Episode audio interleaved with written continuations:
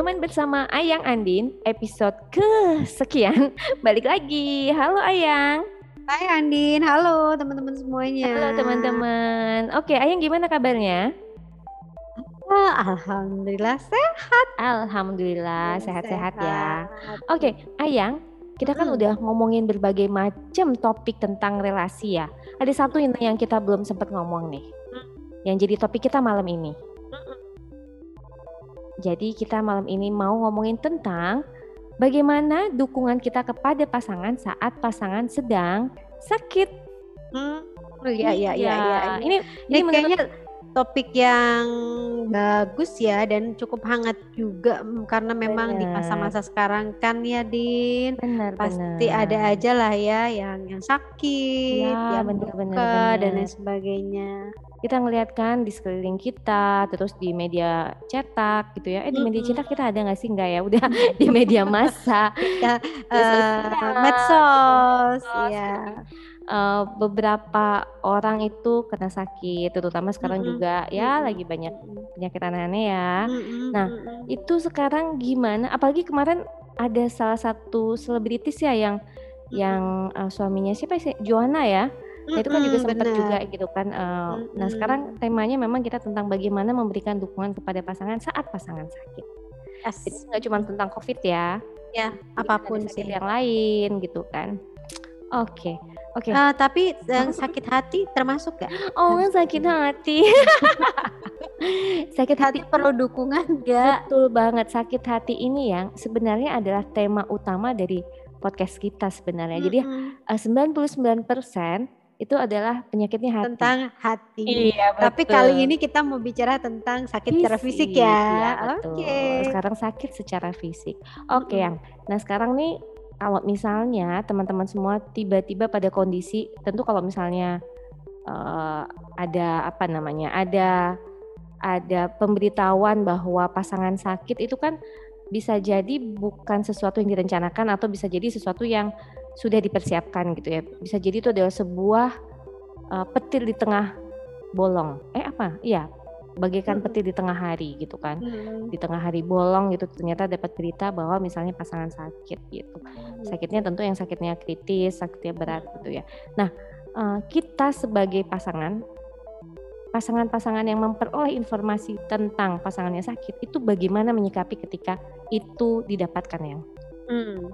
Aku tapi boleh cerita sedikit gak ya? Sebenarnya ini juga eh, baru-baru banget aku alamin sih Din gitu. Mudah-mudahan juga teman-teman bisa eh, dapet insight ya gitu. Jadi ini sebenarnya eh, pertama kali memang kalau aku sendiri eh, mengalami situasi yang eh, cukup membuat tidak nyaman ya.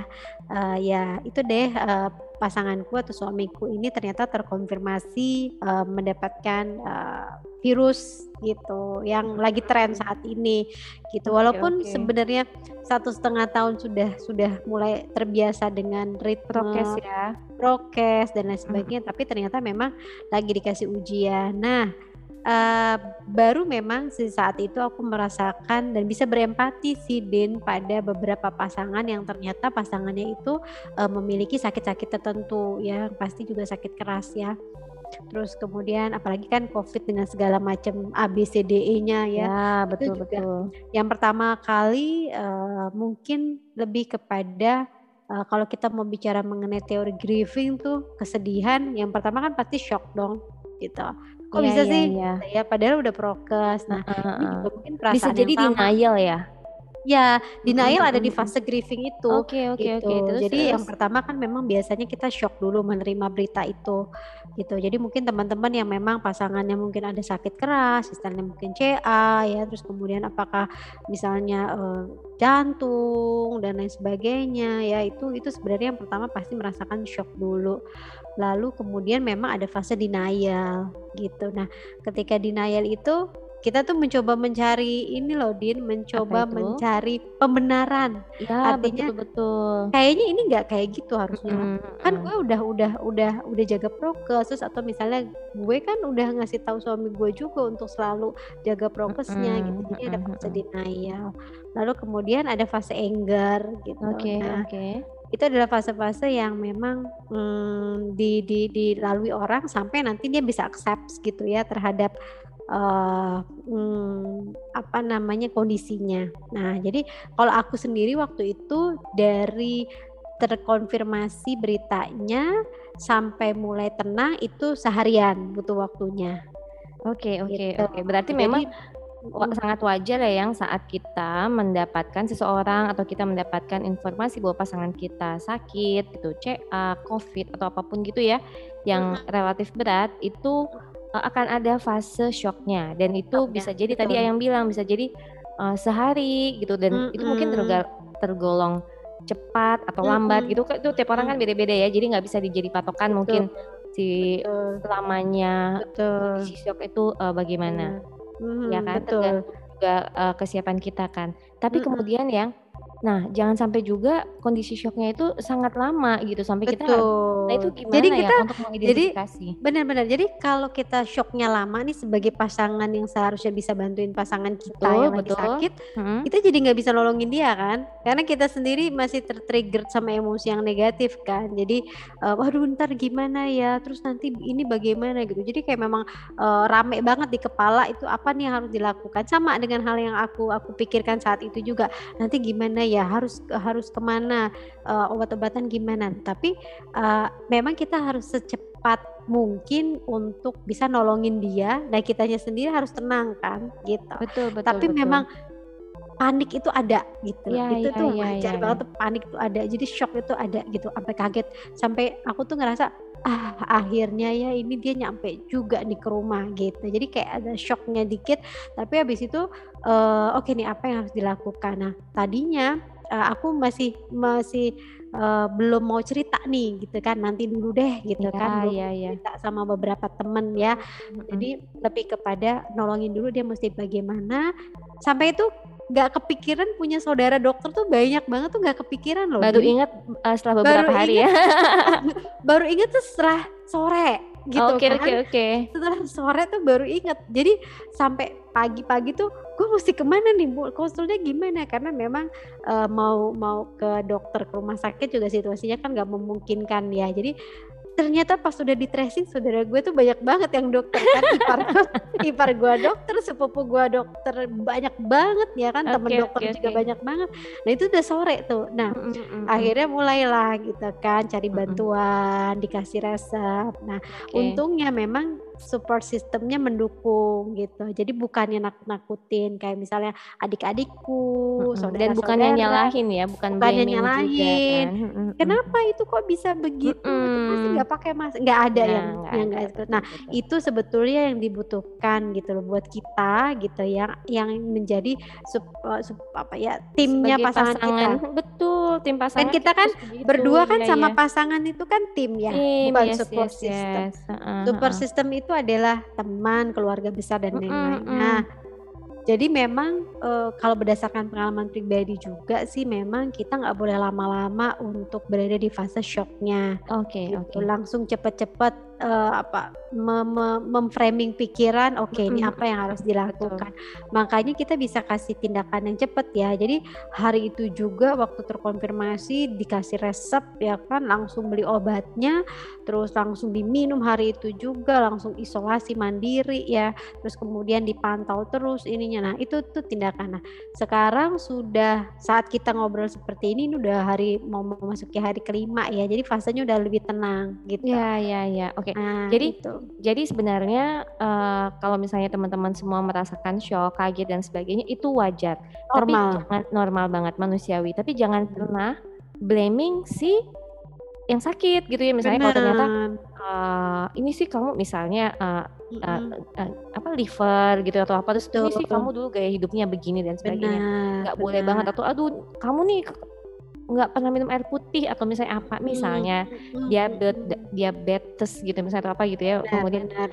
nah nggak nggak boleh kayak gitu gengs jadi kalau misalnya pasangan lo pasangan lo walaupun pasangan lo jelas-jelas mungkin ya mungkin memang tidak tertib misalnya katakanlah tapi itu bukan saatnya lo nyalahin masuk dia di situ nyalahin dia mm -hmm. gitu kan jadi yang pertama oke okay, lo shock boleh shock boleh banget gitu kan mm -hmm tapi ya nggak boleh nyalahin juga gitu dan nggak hmm. boleh nyalahin kondisi yang lainnya gitu kalau menurut gue ya Karena bener. karena nanti, eee, lo ter-distract sama yang lain, sama hal-hal yang di luar, Betul. eee, esensial yang harusnya malah dipikirkan kan. Betul, sementara lo harus fokus sama kesehatan pasangan Nah. dan kesehatan sendiri gitu. Nah, Nah apalagi kalau menular nih kan harus Nah, konsentrasi juga sama Makanya memang Mhm. kayak misalnya aku sendiri sih jadi lebih mindful aja gitu di rumah tuh mesti ngapain-ngapain tuh bener-bener harus jaga banget dan terus afirmasi, "Gue nggak boleh sakit gue nggak boleh sakit gue nggak boleh sakit," gitu karena gue harus harus Ya bantu ya dia ya, gitu. Jadi itu sih yang yang yang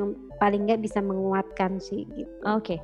Nah, tadi, eee, kita udah bahas tahap pertamanya kita, eee, kaget, kemudian, eee, harus bisa segera melakukan framing terhadap kondisi itu gitu ya. Nah, yang bisa membantu supaya kita segera pada titik itu dengan segera apa yang ini gue mau cerita sedikit soalnya. Karena ada beberapa bukan ada beberapa, ada, eee, seorang teman gue yang punya kondisi, eee, apa, sakitnya agak parah gitu ya, eee, dan dia itu relatif dia laki-laki, dia relatif nggak mau ngomong ke istrinya gitu kan, karena tapi dia ngomong ke teman-teman seki sekitarnya, karena dia nggak mau membebani si istrinya ini dengan ketakutan dan sebagainya. Karena kan dia breadwinner ya gitu, kalau misalnya dia sakit tentu si istri ini akan merasa, "Wah gue gimana?" dan sebagainya dan Ya sebagainya. ya ya Nah, ya. eee, kalau kayak gitu juga kalau menurut gue waktu itu sih mengingatkan nggak nggak nggak juga benar gitu, maksudnya bagaimanapun pasangan lo tuh harus dikasih tahu mengenai kondisi sebenarnya dari diri lo gitu kan. Mhm mhm Tapi mhm. mungkin kalau memang lo khawatir akan efeknya misalnya si ini panik dan sebagainya, ya lo paling pinter lah, lo paling kenal bini lo lah gitu kan. Jadi lo harus cari caranya dan kemudian mungkin udah memberikan, eee, antisipasi langkah yang sudah dilakukan gitu, jadi dia nggak perlu panik dan sebagainya.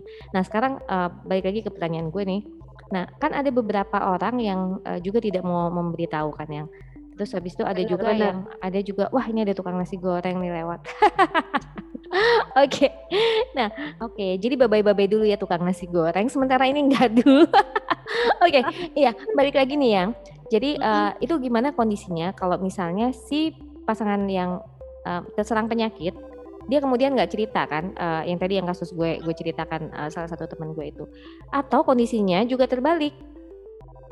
Si pasangan yang katakanlah si yang sakit si suami ya, kemudian dokter ngasih taunya ke istri gitu, terus istri nggak mau Bener ngasih tahu ke bener. si suami kondisinya, kan pasti, Ya ya, dokter ada manggil yang nih, seperti "Bu, itu, bener. Bu, eee, suami Ibu, eee, kena" ke karena kebetulan juga kejadian di salah satu teman Mhm, gue, kena mhm mhm kena mhm. CA nasofaring gitu misalnya, terus habis itu Mmm, dan mhm. sebagainya. Nah, dan itu kemudian nggak disampaikan ke, eee, suaminya.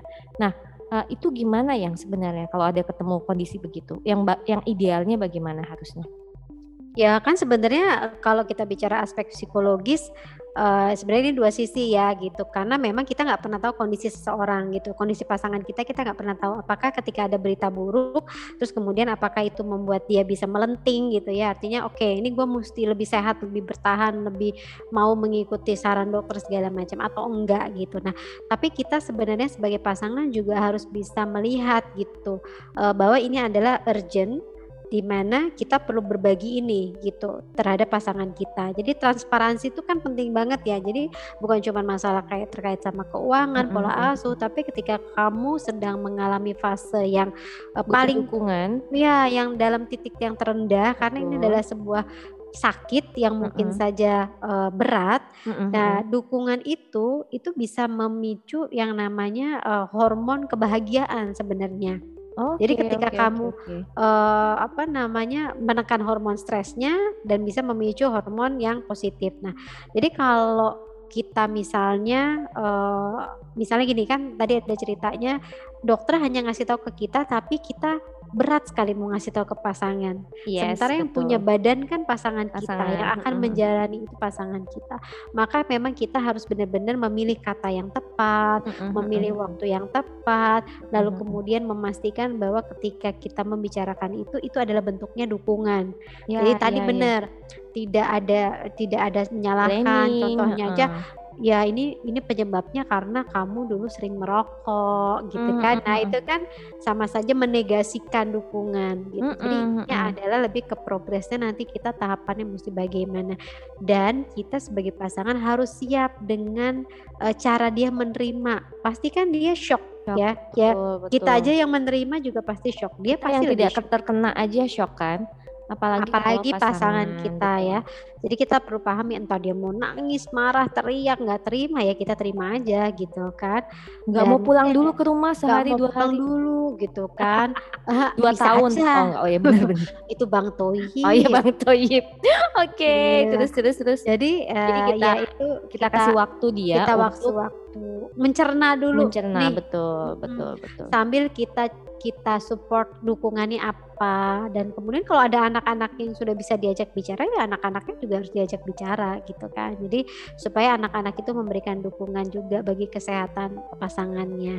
Dan atau misalnya dokter bercerita kepada yang bersangkutan tapi dianya tidak mau menceritakan itu kepada pasangannya bahwa dia sedang sakit. Nah, ini betul, juga adalah betul. pemahaman yang salah. Jadi uh, yang namanya berumah tangga kan memang harus ada ada apa ya mutual lah ya actionnya kan dalam susah dan senang, dalam sakit dan sehat gitu intinya kan seperti itu. Jadi ya akan lebih baik dan mempercepat prosesnya juga ketika kita memang saling terbuka. Apalagi kalau tahu ya. adalah ya apalagi ini adalah misalnya sakit-sakit yang berat ya gitu. Ya betul. Dan saran gue juga menambahkan dari Ayang, mm-hmm. ketika kita memberitahu kita juga sudah membekali diri dengan informasi yang lebih lengkap. Lengkap, termasuk uh, data-data riset apalah ya. Ah, betul banget gitu karena karena gue sempat punya juga uh, gue sempat tahu suatu hubungan mm-hmm. gitu ya yang si uh, laki-lakinya ini punya penyakit agak unik uh, apa agak berbeda gitu uh, kelainan darah dan itu si pasangannya yang perempuan itu benar-benar uh, hatam banget terhadap penyakit itu gitu ya hmm. sampai sampai uh, dia tahu uh, apa namanya uh, bagaimana lifestyle yang harus dilakukan dokter bahkan spesialisasi apa saja yang bisa menangani dan ada di rumah sakit mana saja namanya siapa-siapa saja gitu jadi gue sempat tahu uh, sebuah hubungan yang seperti itu gitu ya dan dan gue lihat si laki-lakinya ini merasa uh, nyaman aman dan maksudnya uh, nggak worry gitu kan terus uh, bahkan ketika misalnya ada ada ada treatment treatment yang mungkin uh, misalnya harus di uh, di flebotomi gitu ya darahnya dibuang gitu misalnya. Nah si perempuan ini walaupun dia sebenarnya nggak suka dengan darah dan takut dan sebagainya, dia berusaha untuk mendampingi gitu karena itu uh, uh, misalnya ya uh, saat darah uh, itu yang sangat kental itu dikeluarkan, itu kan rasanya luar biasa sakit gitu kan. Nah, ya kejadian-kejadian seperti itu sebenarnya ketika pasangan uh, lebih tahu informasinya, kemudian benar-benar itu dia jadi merasa ada teman kan. Dia dia benar-benar merasakan bener. oh ternyata gue nggak melalui ini sendiri. Nah, bener. jadi bukan lip service kita ngomong aku dukung betul. kamu sayang gitu, nggak gitu. Mm -mm, benar. Itu salah satu bentuk dukungannya mungkin bisa seperti itu ya. Ya, betul. Dia yang bilang. Oke. Okay. Mm -mm. Nah, kemudian ya tapi mendampingi orang yang sakit ini kan juga kadangkala ya secara manusiawi itu kan akan lelah gitu kan. Eh, iya. Secara fisik maupun psikis Betul. gitu ya. Seperti yang bilang Ayang uh, akhirnya sangat-sangat sangat memahami bagaimana kondisi nakes gitu kan. Gitu karena secara fisik memang capek banget dan psikis juga kena gitu kan. Uh, nah, itu gimana yang harus kita lakukan yang supaya hmm. selama kita mendampingi pasangan kita yang sakit kita masih tetap baik-baik saja. Hmm. Kalau aku sih menyarankan kitanya cari support system ya, cari dukungan gitu. Jadi uh, aku menceritakan ke beberapa teman dekat yang aku tahu mereka pasti akan support gitu. Jadi itu ternyata cukup membantu gitu. Itu tuh cukup membantu membuat aku tuh kayak ngerasa di booster gitu. Nah jadi kalau misalnya ada teman-teman yang memang ternyata pasangannya bukan itu, hanya asi ya yang perlu booster? Oh iya oke oke oke. Oke terus akhirnya dukungan juga harus ada dukungan juga ada boosternya. Oke okay, oke okay, terus? gitu. ya udah jadi uh, itu ternyata cukup membantu kita untuk membuat kita lebih bersemangat gitu ya. Jadi misalnya kata-kata mbak semangat ya gitu. Insya Allah nanti sembuh. Nah itu aja sebenarnya sudah seperti penguatan ya kan. Betul. Terus kebetulan kalau aku kan anak-anaknya udah besar ya, jadi memang aku minta mereka bekerja sama untuk saling mendukung dan mensupport gitu. Jadi uh, perihal dia. Nah, kamu masih ada yang kecil satu, yang bungsu. Oh, nah. belum setahun. Nah, iya tapi anak itu bulu. Dius, ya anak bulu tapi itu diurus sama anak yang paling tua oh iya iya jadi abang ini betul-betul take care adanya yang bungsu ya bener banget banget gitu terus, kan terus. jadi uh, ya ya itu tuh ternyata sangat-sangat membantu dan mensupport ya. Jadi uh, keluarga terdekat, teman-teman pasti nanya nih, "Ayang gimana kondisinya?" gitu. Kayak, "Oh iya ya, gue tuh sebenarnya orang banyak banget yang care loh." gitu kan. Nah, jadi menurutku sih cari dukungan berceritalah pada memang beberapa orang yang bisa diajak bercerita ya mm -hmm. kan nah itu ternyata penting banget untuk membooster uh, mental kita gitu dan dan uh, kalau kalau kalau ini adalah sakit ya jadi ya memang kita harus megang uh, apa namanya dokter mm -hmm. yang memang kita percaya ya, gitu ya, yang pengen kita uh, percaya sama dia, kita bisa cerita dan bisa kasih feedback. Jadi ya memang harus harus cari support system yang yang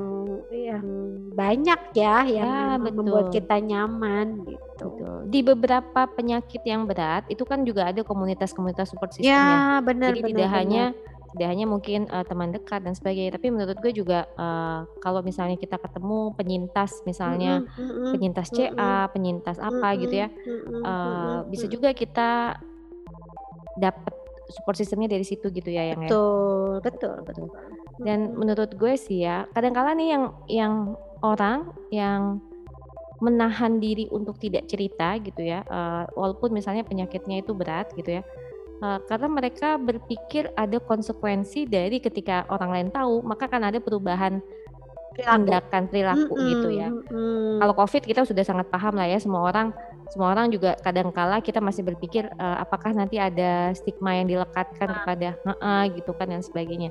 Nah, uh, belum lagi kayak misalnya yang ini yang yang penyakit-penyakit yang HIV AIDS, kemudian hmm. CA dan sebagainya gitu. Banyak yang yang hepatitis gitu ya, gitu iya, kan nggak berani nggak berani untuk ngomong gitu kan. Benar. Oke, kemudian menjaga menjaga kita supaya tetap baik-baik aja gimana lagi yang untuk pasangan untuk pasangan yang pasangannya eh, untuk orang yang pasangannya terkena sakit ya pasti kan akan akan menyita waktu tenaga ya dan okay, pikiran okay. gitu. Jadi kitanya sendiri juga perlu untuk memelihara kesehatan fisik itu udah pasti.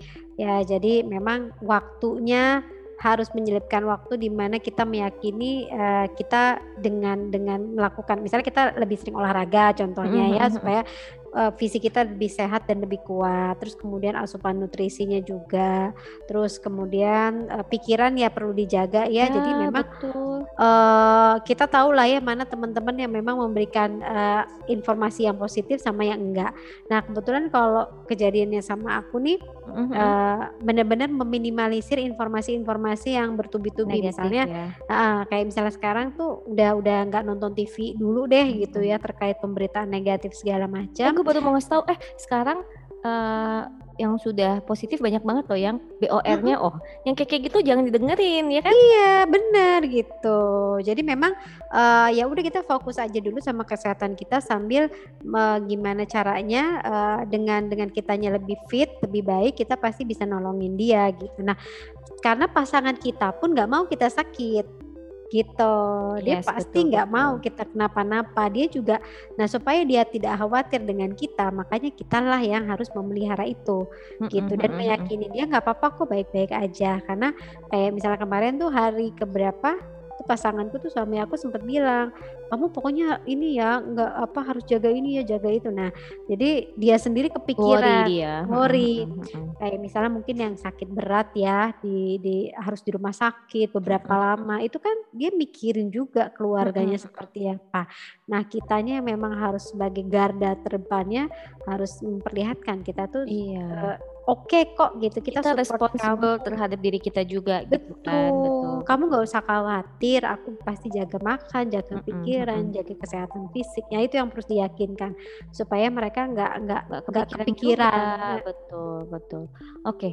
oke okay. ini udah clear banget ya udah lengkap banget berarti tadi mm -hmm. kalau misalnya untuk menjaga kita baik-baik saja sebagai orang yang pasangannya kena penyakit itu pertama adalah support system dan yang kedua itu uh, apa tadi menjaga diri kita gitu ya Me, apa tadi? memelihara memelihara diri. memelihara diri kita dengan baik gitu kan oke oke okay, okay. ada lagi nggak yang mau ditambahkan yang untuk uh, bagaimana kita menjaga apa baik-baik saja gitu ya meyakini pasti semua akan ter bisa Yes, dilewatin sih. Semuanya akan berlalu ya. Ya, Ya betul. ya, apa pun apa pun yang diterima ini adalah bagian dari ujian hidup kan. Betul. Memang kita nggak bisa milih kesabaran. nih, betul. Kita Heeh. nggak bisa milih nih, misalnya kalau ternyata pasangan kamu ada yang mungkin kena penyakit berat gitu kan, penyakit kritis atau penyakit menular. Itu Mhm. sesuatu yang ya Ya memang mau nggak mau harus memang dijalani. iya gitu kan. Dan itu itu kan juga nanti berhubungan dengan resiliensi keluarga kan. Jadi daya tahan keluarganya dalam menghadapi fase sulit itu sudah teruji gitu. Betul. karena sudah tahu polanya. Nah, dan kalau misalnya nanti ada fase berikutnya yang lebih sulit lagi, keluarga ini sudah mampu nih. bisa bisa iya, Iya, bisa bisa beradaptasi lebih cepat bisa ya. beradaptasi, Mhm mhm. bertahan dan kembali ke ke apa Track-nya. kestabilan ya Mhm mhm. gitu. Oke oke oke, clear banget. Kayak gitu. Ada lagi dari Ayang? Udah rasanya cukup teman-teman jaga Oke. kesehatan itu aja yang Ini paling agak penting. suram sedikit, tapi Iya. mudah-mudahan kita tetap bisa memberikan yang terbaik ya buat pasangan kita yang sakit. Segera disembuhkan, diberikan eh, apa? Kesediakalaan ya yang yang benar-benar heeh, gitu eh, kesembuhan yang prima. Ya. Kemudian teman-teman juga sehat-sehat Itu yang saja. penting juga. Tuh, tetap semangat. Kalau misalnya teman-teman ada yang mau cerita, mungkin karena pasangannya eh, sakit dan butuh support system, bisa DM ke Ayang, bisa DM ke aku, ke Ayang. Instagramnya apa Ayang? Ayang Irma, Aya NK IRMA. Ya, atau ke DM aku, Hey Andin, H Y A N D I E N. Bisa juga teman-teman untuk email ke nyaman bersama podcast at gmail.com. Ada yang mau ditambahkan Kakak Ayang? Sudah, sudah cukup Sudah semuanya. cukup. tetap semangat ya teman-teman Tetap ya. semangat. Jangan lost faith. Pokoknya tetap eh, yakinlah bahwa ini akan segera usai Yes. dan teman-teman bisa menjalani dengan baik-baik saja. Mhm. Oke, terima Oke. kasih sudah mendengarkan kami. Terima kasih. Tetap nyaman dengan diri lo, tetap nyaman dengan pasangan lo, tetap nyaman bersama Ayang Andin. Dadah. Terima kasih.